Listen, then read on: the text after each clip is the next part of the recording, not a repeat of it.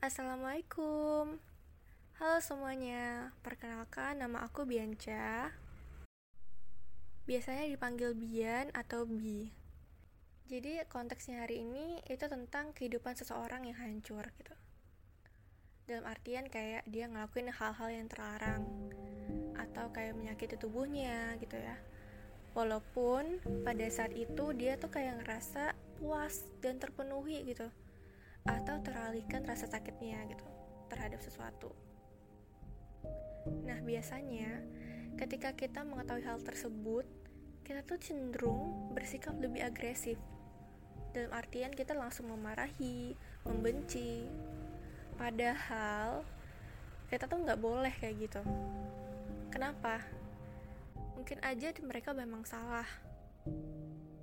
Tapi kita sebagai manusia bisa memberikan waktu untuk kita bisa dengerin mereka.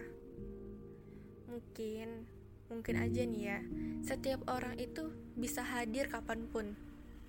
Tapi, nggak semua orang bisa mendengar dan memahami.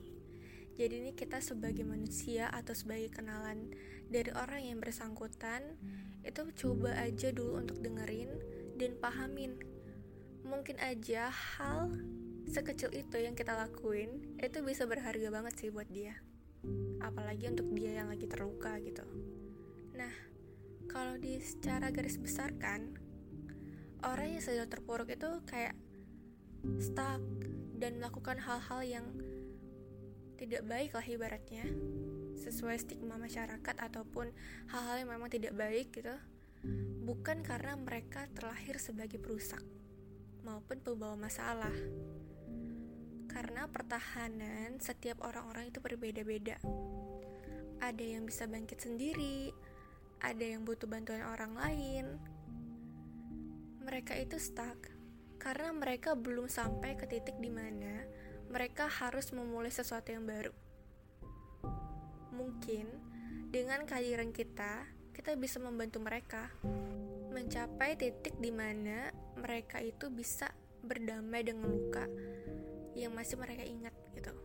Melangkah dan meninggalkan luka-luka yang mereka keep di pemikiran mereka ataupun dalam diri mereka di lembaran masa lalu. Jadi tugas kita selanjutnya itu kita harus mengingatkan dan berikan kekuatan buat dia.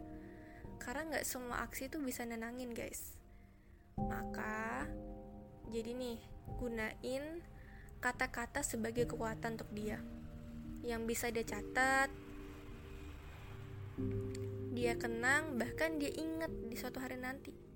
Jadi jangan hanya masa lalu aja yang masih diingat. Karena hal-hal yang baik juga harus diingat nih. Supaya itu bisa menjadi power kita di kemudian hari. Ingatan-ingatan yang baik bisa kita tempatkan di lembaran hidup kita yang bisa kita recall kalau kita lagi down maupun ngerasa nggak cukup gitu.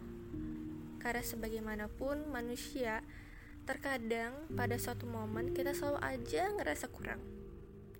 But, dengan adanya ingatan bisa menjadi power buat kita.